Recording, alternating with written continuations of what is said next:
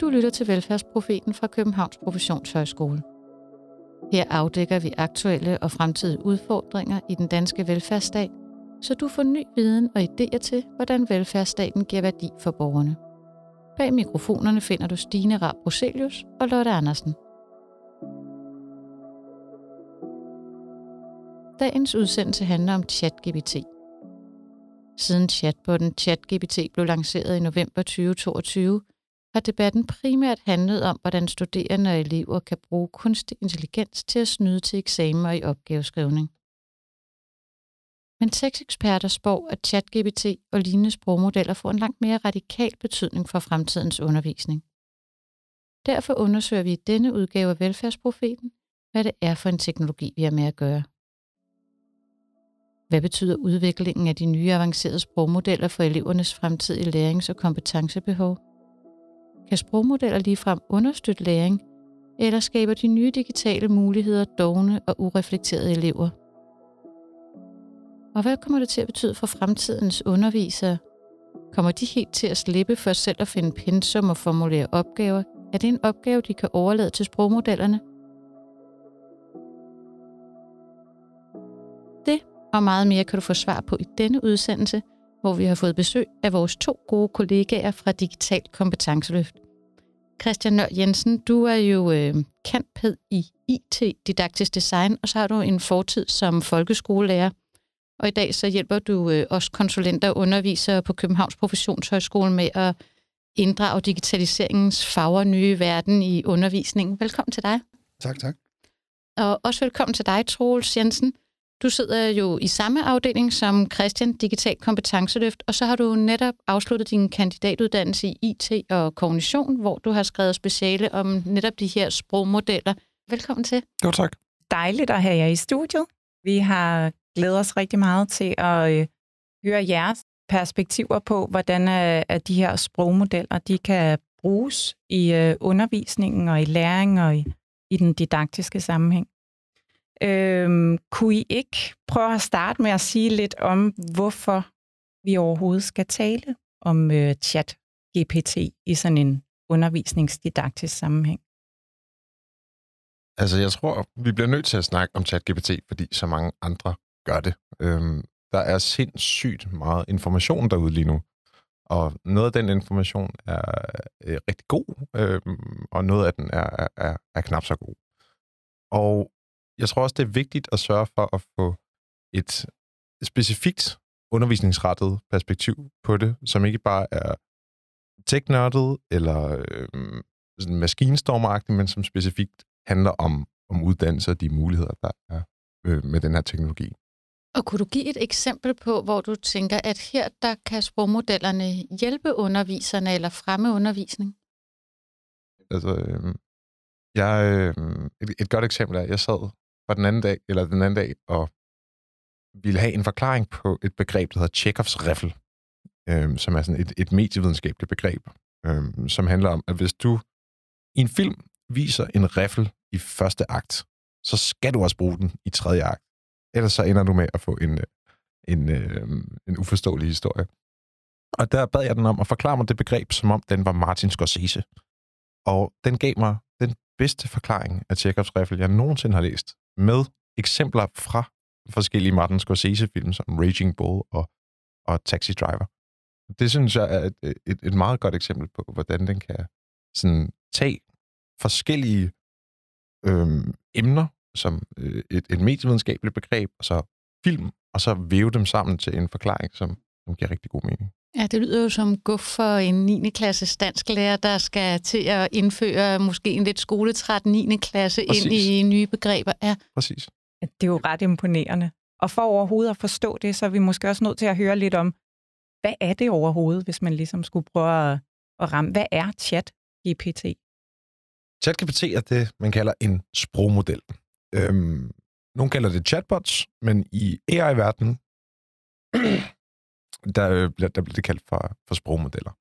Sprogmodeller, det er en, en slags machine learning-algoritmer. Det lyder lidt avanceret, men det er også det, man i daglig tale kalder kunstig intelligens.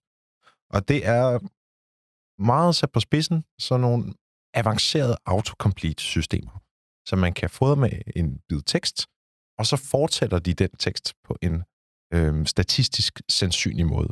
Og det kan være mange forskellige slags videre tekster, man giver den. I ChatGPT's tilfælde er det som oftest et spørgsmål, man stiller den, og så får man en besvarelse tilbage. Det kan også være at give den en indledning til en artikel, og så skriver den resten af den artikel ud for dig.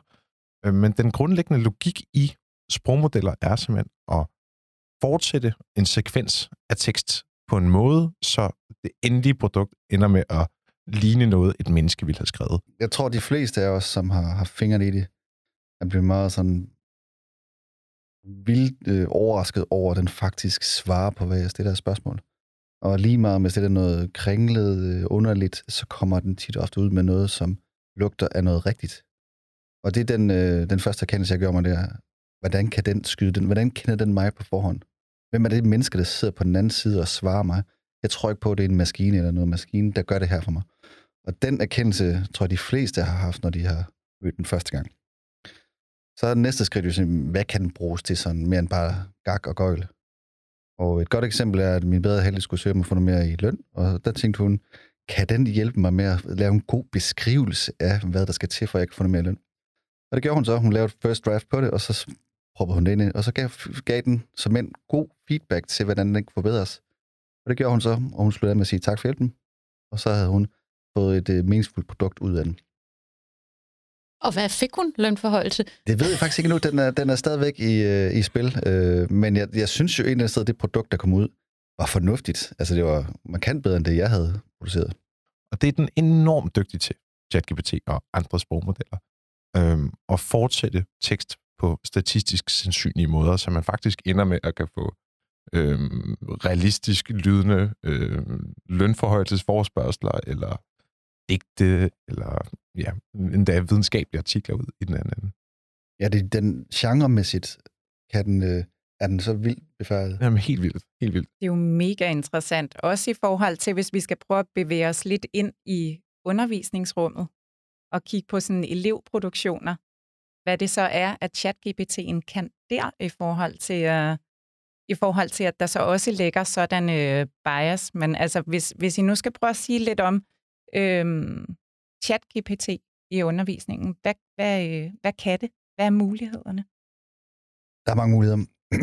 Øh, vi har delt det ind i, hvad er mulighed, før vi møder hinanden, altså hvordan kan man blive klogere sammen med ChatGPT, og så når vi møder hinanden, så er vi rigtig kloge, altså en forberedelsessted. Der kan man jo give den, få den til at lave opgaver til en, man kan få den til at teste en igennem noget quiz, eller matchøvelser, og alle sådan ting.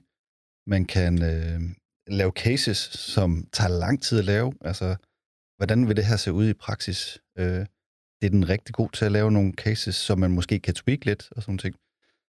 Så er det undervejs, når man har undervisning, hvor man allerede, som, som Troels gør, altså man har brugt allerede Google. Men den her, den kan i og for sig også være en, en stemme ind i diskussionen. Lad os lige stoppe op og sige, kan ChatGPT lave nogle argumenter for øst eller vest? Og så bliver det en, en aktiv partner inde i undervisningsrummet, som man øh, i højere grad spiller bold med. Og så er det det her efterrum, hvor man jo sidder og har måske har fået sin opgave tilbage med noget, noget feedback fra underviseren, men man vil egentlig stadig gerne have noget mere feedback, og der kan den også understøtte, at øh, man kan, øh, hvis der er et afsnit, man var lidt usikker på, kan du give feedback på den her, hvad skal der til for, at den bliver bedre? Hvad skal der til for, at den bliver mere akademisk? Hvad skal der til for, at den formidlingsmæssigt rammer en anden målgruppe osv. osv. Så den kan være sådan assistent i stort set alle ens læreprocesser, hvis man bruger den fornuftigt.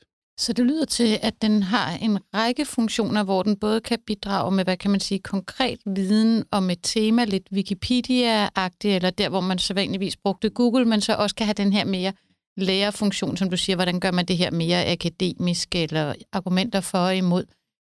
Men noget af det, som man jo øh, typisk også skal træne elever i i folkeskolen, det er det her med at være deltage i demokratiske processer, og der handler det jo rigtig meget i en moderne tid om at være kildekritisk.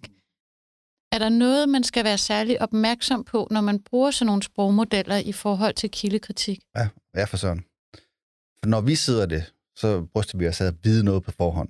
Vi tror, vi ved noget på forhånd. Og så derfor, når vi får et output fra chatten GPT, så, øh, så vejer vi det og vurderer det. Og det er der, hvor jeg kan være usikker på, hvis der kommer et, øh, noget fornuftigt ud, og det er en 9. klasses elev, som skal vide noget om et eller andet specifikt emne, og det er den eneste kilde, den person har til viden. Så skal den elev være trænet til at sige, hvordan vejer vi det op mod andre kilder? Så det her kildekritiske aspekt er vanvittigt vigtigt for at få den der kompetence til at skille skæf og snot, kan man sige. En, en anden vigtig pointe der er, at ChatGPT kan lyve, så det driver. Altså, der er ikke, der er ikke noget, den har ikke nogen regel i sig, der siger, at den, den skal tale sandt altid. Så længe det, den siger, er statistisk sandsynligt for sådan en sproglig synspunkt, så er det fint. Og noget andet er også, at den er ikke trænet til at være faktuelt korrekt.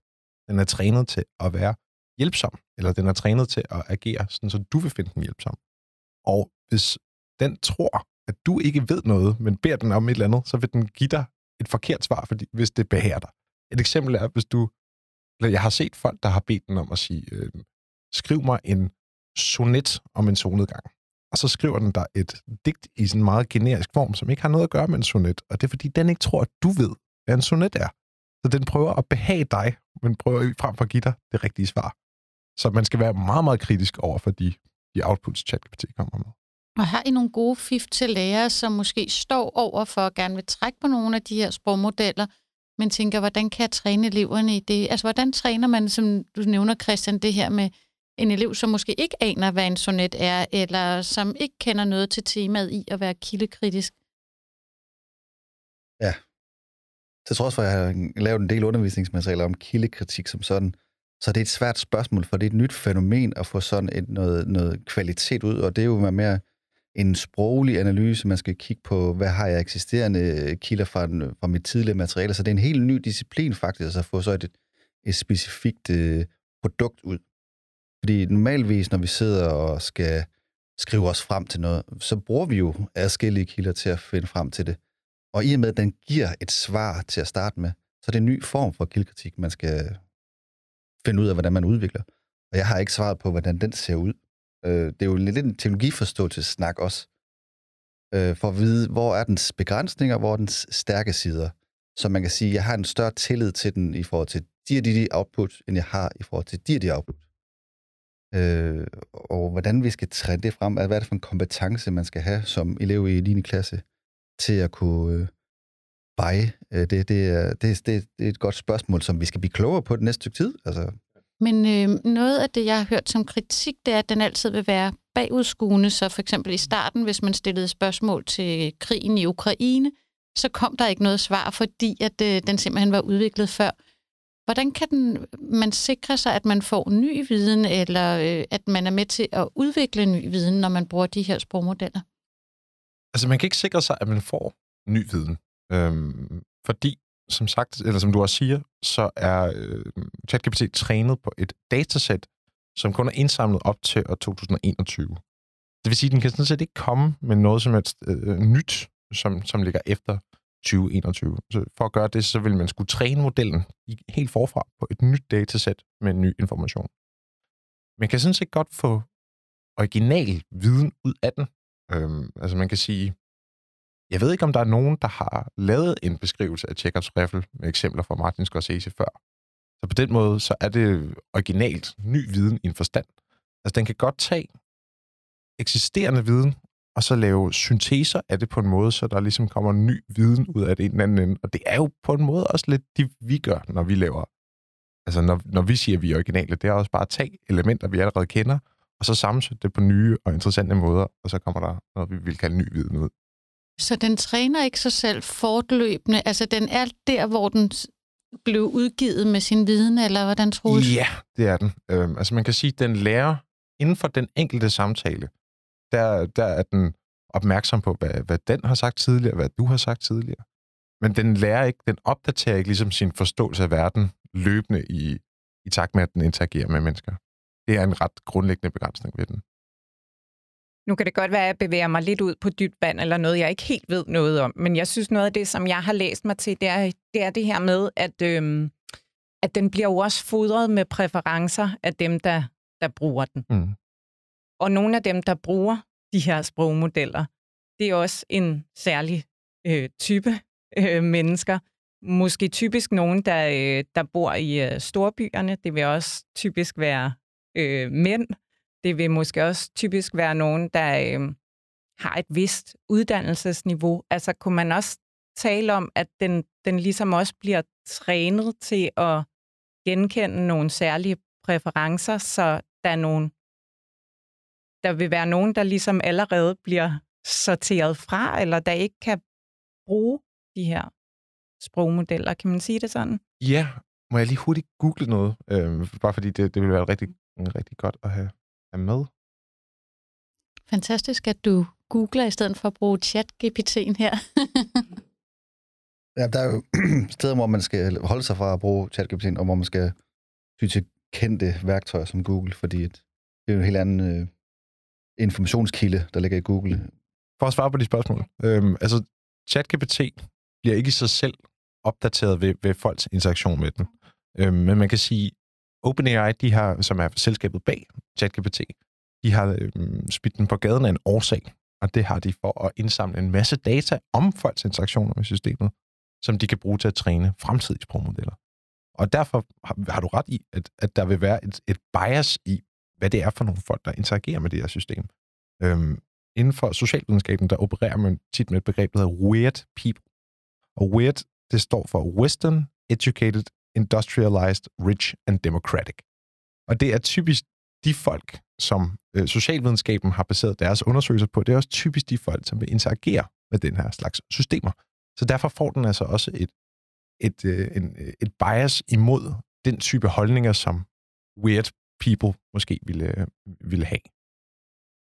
Altså, man, man, man kan, ja, igen så vil jeg sige, lad os lige vente og se, øh, fordi vi var også, der var, der var mange, der var helt op i det røde felt, da Google Translate kom ud og sagde, at sprogundervisningen nu er død. Altså, jeg, jeg kan huske, min spansk lærer, hun forbød os det øh, benhårdt at bruge øh, Google Translate. Så vidt jeg ved, så, så har vi stadig folk, der kommer ud fra gymnasiet med fine øh, sprogfærdigheder. Så, mm, på en eller anden måde, så kan vi godt have en antagelse om, at det kommer til at udfordre nogle, nogle, nogle af vores vante måder at, at lære på, men måske kommer det til at udvikle nogle andre, eller anspore os til at, at udvikle nogle andre. Altså, jeg tror, jeg er påpasselig med at sige, hvordan det kommer til at påvirke folk fremadrettet, øhm, og hvordan det kommer til at påvirke læring og didaktik, fordi vi simpelthen ikke har nogen gode empiriske studier på det endnu. Altså, vi kan prøve at hive fat i sådan nogle, nogle tommelfingerregler, nogle antagelser, men jeg synes, vi bliver nødt til at vente og se, altså, hvad videnskaben siger omkring, omkring det her, øhm, frem for bare at tage den øh, på, på mavefornemmelsen, og det er stadig meget, meget nyt. Det her. Øh, så der, kan, der, der skal stadig nogle, nogle folk i, i hvide kitler på, og vi, vi rigtig kan sige noget med sikkerhed. Som pædagoger i hvide kitler. pædagoger i hvide kitler, ja. ja. Der skal en masse øverum til, ja, som, øh, som I siger. Ja. Og, og den køber jeg også fuldstændig, Troels, det der med at stå selvsikkert og sige noget, men samtidig så tænker jeg, at jeg har øh, tre børn, som øh, alle sammen går i skole derhjemme, og da de hørte om øh, chat-GPT'ens åbenbaring, og jeg så bare julelyset tænde, at øh, hvad det åbnede af muligheder for dem, så jeg tænker, at de unge vil jo bruge det, selvom vi tænker sådan, hold your horses, vi skal lige øh, undersøge effekten først i andre lande eller på andres børn, så så vil børnene jo hoppe på den. Kunne du alligevel sige lidt til lærere eller forældre, der gerne vil sikre sig, at deres børn lærer det, de skal? Eller øh, hva, hva, hvordan kan man bruge det i et læringsøje med, hvor det ikke bare bliver en måde at skrive af på, eller få et hurtigt svar på sin opgave, så man kan komme i gang med det, man, der er mere lystbetonet? Mm-hmm. Ja, vi snakkede med Øre, Ørestads Gymnasium her i, øh, i sidste uge, og de har sådan ligesom tale sig ind på, at vi bliver nødt til at lave et øverum, hvor, det, hvor vi legitimt snakker om ChatGPT og Studienet, som jo er noget unge mennesker, unge mennesker i gymnasiet bruger, og tale os ind på, at det er noget, der er derude, og det er en del af vores værktøjskasse. Men vi skal lave et rum, hvor vi kan øve os sammen med de her hvad hedder, værktøjer og, og hjælpemidler. Men vi skal også øh, i seneste, der er nogle steder, hvor vi skal performe, præstere noget. Og der er nogle andre regler i det her præstationsrum, hvis vi kun har i øverummet øh, brugt de her lette virkemidler til at finde frem til nogle svar, så er vi ikke i stand til, når vi skal så præstere på egen hånd og gøre det. Men det, at de aktivt i tale sætter, at vi har de her to øh, sfære, hvor vi skal være i, det er i hvert fald med til at gøre dem mere ansvarlige for deres egen læreproces, øh, så det ikke bliver sådan noget, jeg prøver at snyde så meget som muligt, fordi hvis jeg, hvis jeg kan det, så lykkes jeg som menneske, men, men mere i høj grad, at jeg lykkes med min, i min egen læreproces og jeg lærer noget her. Det, det tror jeg, det bliver talt frem øh, mere det næste stykke tid, at man skal kunne gøre det. Være ærlig omkring, hvad de kan og hvad de ikke kan, og hvornår vi skal bruge det, og hvornår vi ikke skal bruge det. Vi havde en god diskussion omkring, øh, meget undervisning er bygget op omkring, at vi skal gennemføre noget. Det handler om at gennemføre det. Når vi har gennemført det, så kan vi lave et checkmark på, at vi har gennemført det. og hvis vi har sådan en kultur for, at det er vigtigt at gennemføre det, så er det ikke vigtigt at være i processen. Og i og med, at vi har nu fået et værktøj, der kan hjælpe dig med at gennemføre rigtig hurtigt, og give noget ud, som er meningsfuldt på en eller anden vis, så bliver vi nødt til ligesom at, lige at genskabe samtalen om, hvad vi laver meningsfuld undervisning. Og øh, at vi skal måske gå væk fra, at det er vigtigt at gennemføre, men det er vigtigt at være i en læreproces, hvor du faktisk lærer noget, hvor du er et sted, hvor du bekymrer dig om noget, hvor du har noget, en indre motivation for at være her. Og derfor synes jeg, det er en kærkommen mulighed for at, at, stille de store spørgsmål omkring, hvorfor bedriver vi skole? Hvad skal vi have ud af skole? Hvad er det for nogle øh, øh læringsmål eller dannelsesmål, vi skal have os. Og den, den her chat-GPT, den går ind og er en disruptor ind i den samtale. Vi kan ikke lade være med at tage den samtale en gang til. En god samtale, som vi tager tit, men som vi har brug for at tage endnu en gang. Som er blevet højere aktuelt at tage igen, præcis. Øhm, altså, en ting er at bruge den i en prøvesammenhæng, øh, hvor man skal have testet sine kompetencer. Der, der tror jeg godt, man kan sige, at der er det en udfordring. Men i forhold til forberedelse for eksempel, der tænker jeg, at den kan være en fed inspirationskilde øhm, en god sparringspartner. Hvis man nu ikke lige har en onkel, der er skide god til fysik og kemi, øhm, men har brug for hjælp til at lave en problemformulering, for eksempel, så kan du prøve at bede den om at spille en problemformulering ud. Den vil sikkert ikke være perfekt, det ikke være den, du ender med at bruge, men det kan måske anspore dig til at komme i gang med, med dit, øh, dit arbejde. Øhm, eller til at skrive i forhold til Hemingways, den gamle mand og havet, hvad er egentlig interessant at tage fat på her, hvis man ikke lige føler sig super inspireret. Øhm, I stedet for at få den til at skrive hele opgaven for sig, så kan man altså bruge den til at sige, hvad er nogle interessante øh, tematikker i, i den her bog, som jeg kunne, kunne hive fat i. Så hvis man bruger den mere som sådan en, øh, ja, en sparringspartner, så tror jeg, at der kan være rigtig meget læring i det. Så der er på den ene side den her bekymring for, at den sådan reproducerer sådan, hvad skal man sige, en middelklasse heteronormativitet på den ene side, men på den anden side, så lyder det også her, som om du siger, men den kan faktisk også hjælpe børn og unge, der kommer fra mere uddannelsesfremmede hjem, og stille dem på lige fod med... Ja, ja, spændende. Ja, de store opgaver, kan man sige, øh, der er der nogen, der er privilegeret ved at komme øh, fra et hjem med bøger, og nogle forældre, som er ops på din læreproces. Øh, måske endda så ops, at de nærmest skriver opgaver for en. Og det er en problematik, vi altid har haft. Øh, men nu får man så en, en onkel ind for højre, som øh, måske kan udligne øh, den her, den her øh, social ulighed. Øh, måske på godt, måske på ondt. Det, det ved vi jo ikke endnu, om den, hvad den skaber med sig.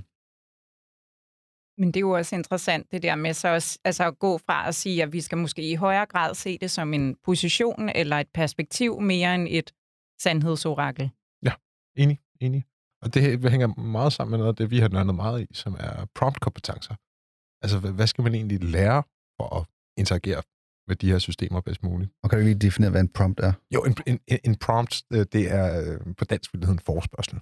Det, det er simpelthen bare den bid tekst, man fodrer en, øh, en sprogmodel med, som den så baserer sine outputs på. Ja, og kan du ikke sige lidt mere om det? Fordi der er jo kommet altså, et kæmpe skift i, hvordan man også søger på Google. For eksempel at i starten skulle man skrive mere præcis, ligesom de gamle dages sådan, øh, bibliotekssøgninger, hvis man søgte, hvad hedder det, øh, forskningsartikler eller sådan. Men i dag kan man jo søge meget mere øh, talesprogsagtigt. Så hvad er det, man har brug for, derfor man forsøgte specifikt eller rigtigt? Jamen, det er et godt spørgsmål. Altså, vi, øh, vi, vi prøver stadig at finde frem til nogle gode tommelfingerregler for, hvordan man prompter de her modeller. Der er mange andre, der har, har, har nørdet i det også. Men altså, en af de ting, man skal kunne, det er, at man skal vide, altså man skal kunne være konkret i, hvad det er for en slags besvarelse, man, man leder efter. Så for eksempel, hvis du siger, som om du var Moses, så ligger det i det, at du gerne vil have sådan en, en bibelsk, øh, øh, slagkraftig retorik. Ikke? Øhm, man skal også være klar til at indgå i en dialog med systemet. Man skal vide, at man kan gå i dialog med ChatGPT og sige, ja, kan du ikke lige øh, prøve at være, øh, altså, være lidt mere kortfattet, eller kan du ikke prøve at være lidt mere akademisk i dit sprog? Øh, man skal være klar på, at man ikke får det rigtige øh, øh svar ud første gang, man måske skal gå ind i sådan en lidt iterativ proces med ChatGPT. Øhm, hvad ellers? Jamen det der med, hvad er det for nogle, hvad er det for en grundlæggende førviden, du har? Altså, hvilken viden har du, før du går i gang med det her? Altså, være bevidst om, hvor meget ved jeg på nuværende tidspunkt, og det vil sige, jeg ved ikke ret meget om det, så kan jeg heller ikke øh, udfordre maskinen ret meget. Så jo mere du et eller andet sted har en grundlæggende fornemmelse for, hvad det er, du skal snakke med den om, eller det er en dialog med, jo bedre bliver det produkt, der kommer derud. Og den bevidsthed om, at man er grøn på nogle områder, øh, er jo vigtigt at have ind i hovedet, inden man går i gang med den her proces. En helt lavpraktisk ting også. Altså. Hvis du har en, øh, en, sådan en, en, en opgave, eller du vil give den en forespørgsel, som har mange delelementer i sig, så lad være med at give den hele opgaven til at starte med, altså at sige, lav en indledning, lav en, øh, en midterdel, lav en slutning. Så del det op i, i forskellige brudstykker, og så gør det en forespørgsel af gangen, så får man som rent nogle bedre resultater ud af den. Ja, for rent teknisk hvad den gør, når du kommer med få desinger, i stedet for mange desinger. Jamen så, altså, jo større kontekst du giver den, jo mere udvandet vil dens besvarelse også være. Jo, mere, jo flere forskellige ting skal den tage højde for i sin besvarelse, og derfor vil den også blive mindre præcis.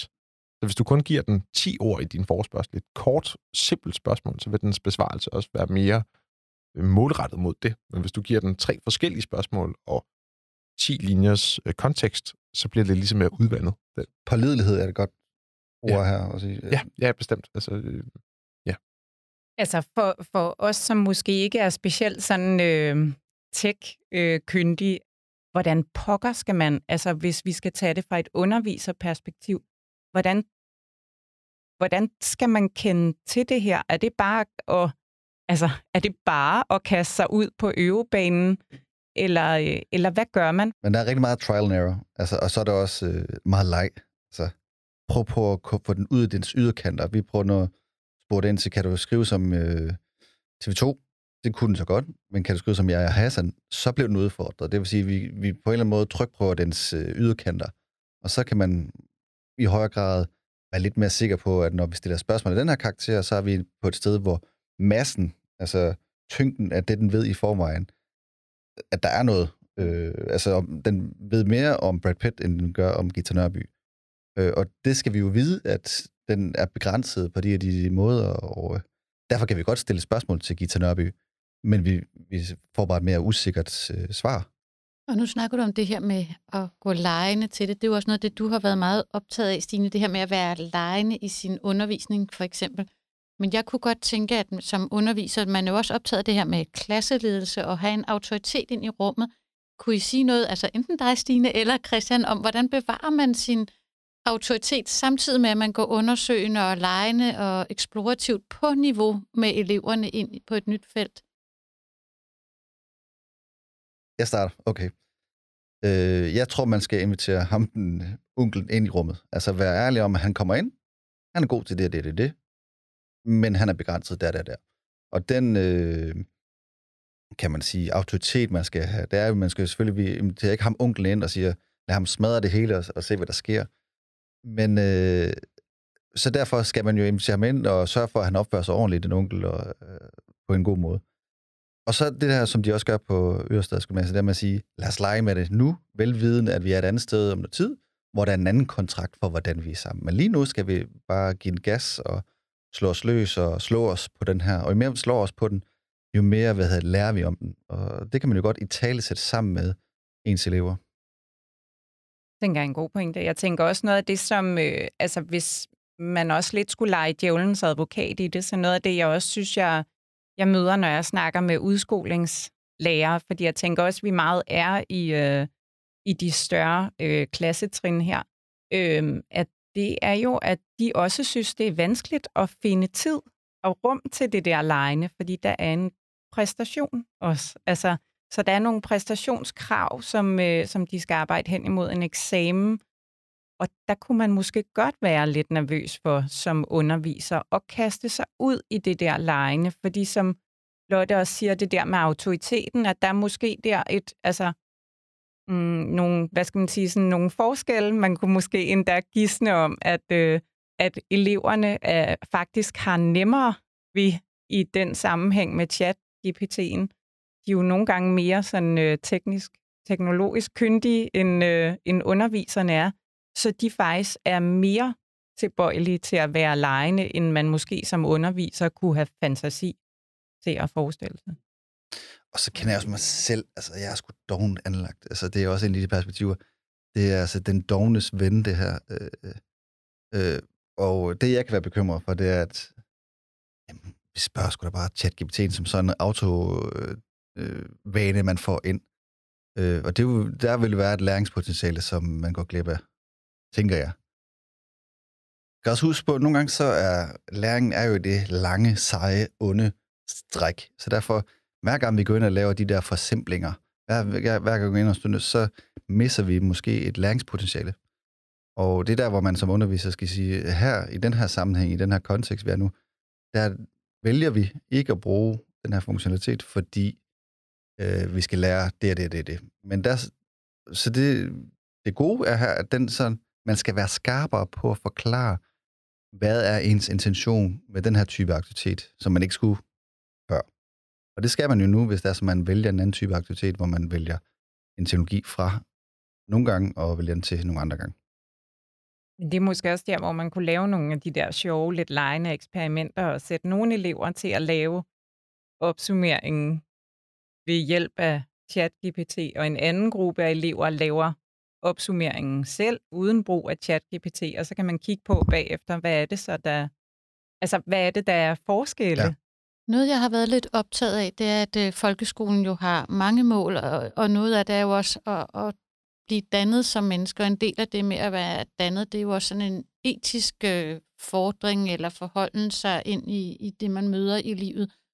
Og, og det er jo noget af det, som øh, de i hvert fald også chat-GPT'en har, har været kritiseret for, at etikken er ligesom skjult, at man kan for eksempel godt få den til at lave en hyldestale til øh, præsident Biden, men ikke til den tidligere præsident øh, Trump, eller min kollegas kæreste, han prøvede at få noget viden om øh, mænd og selvmord, og det ville den så ikke give, indtil han så skrev, jamen jeg skal bruge det til at lave et forebyggende øh, materiale, og så ville den gerne men kunne I sige noget om det her med, med den her indbyggede, skjulte etik? Altså, at jeg tænker, der kan være sådan nogle politiske bias i det også.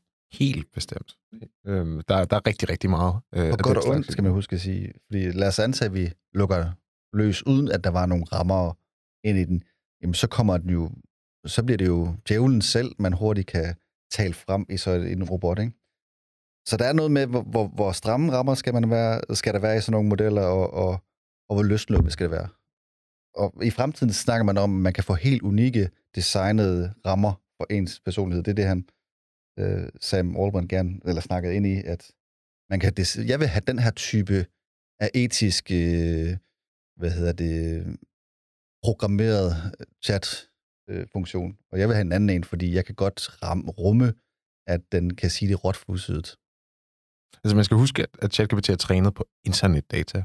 Og hvis man nogensinde selv har været på internettet, så ved man nok, at der florerer noget mærkeligt, mærkeligt og nogle gange ret foruroligende information derude.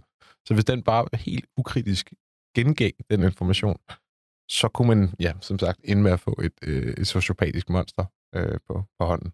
Men på den anden side, så kan man sige, at den kan også ende med at blive så politisk korrekt, eller, eller så, så øh, begrænset i, hvad den kan spille ud, at den simpelthen holder op med at blive brugbar.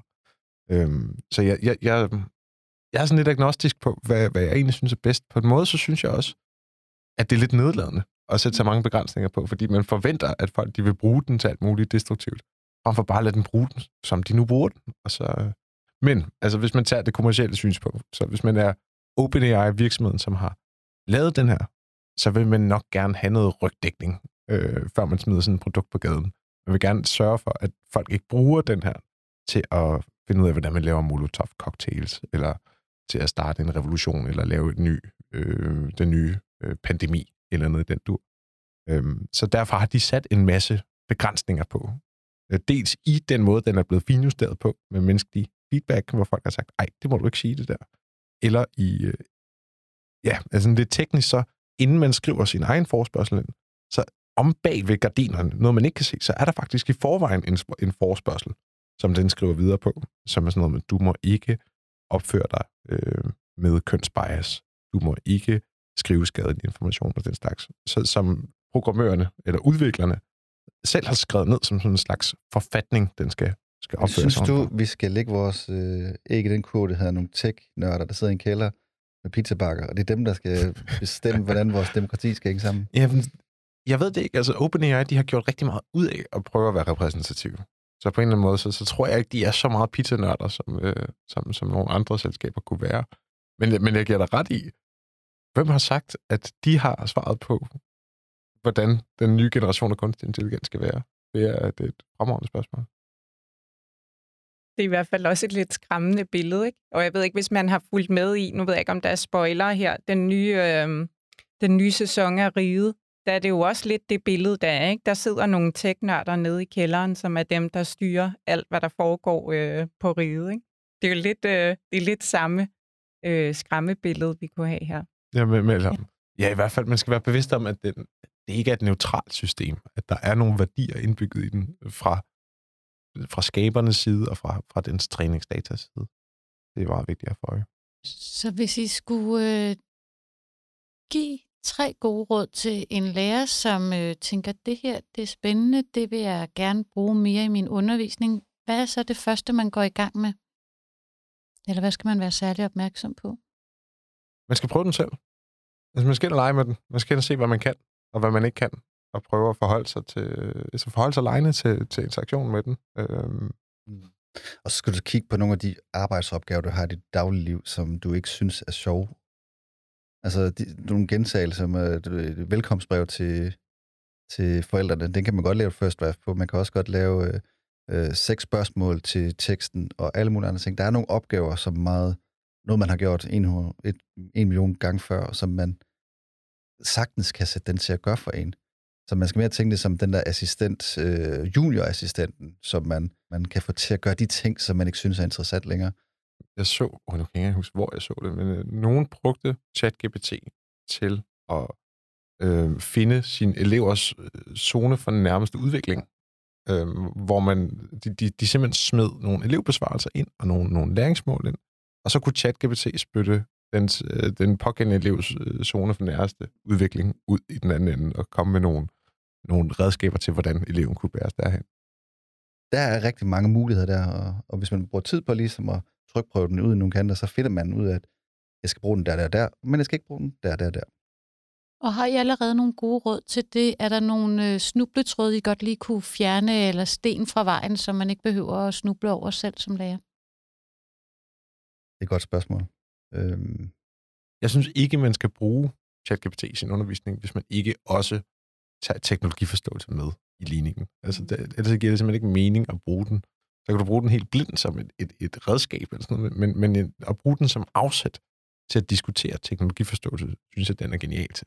Altså, fordi den, den har så mange forskellige etiske problematikker, og så mange øh, styrker og begrænsninger, og så meget samfundsrelevans, at den er perfekt afsæt til at tage de her diskussioner. ja, og se det dys- dystopiske fremtid, vi kan gå ind i, hvis vi overgiver os til sådan nogle algoritmer. Hvad er det næste skridt? Hvad er det næste skridt? Hvad er det næste skridt? De diskussioner, tror jeg, de fleste elever i folkeskolen vil synes være interessant. Hvad er det for en fremtid, de har om 5 år, 10 år, 20 år?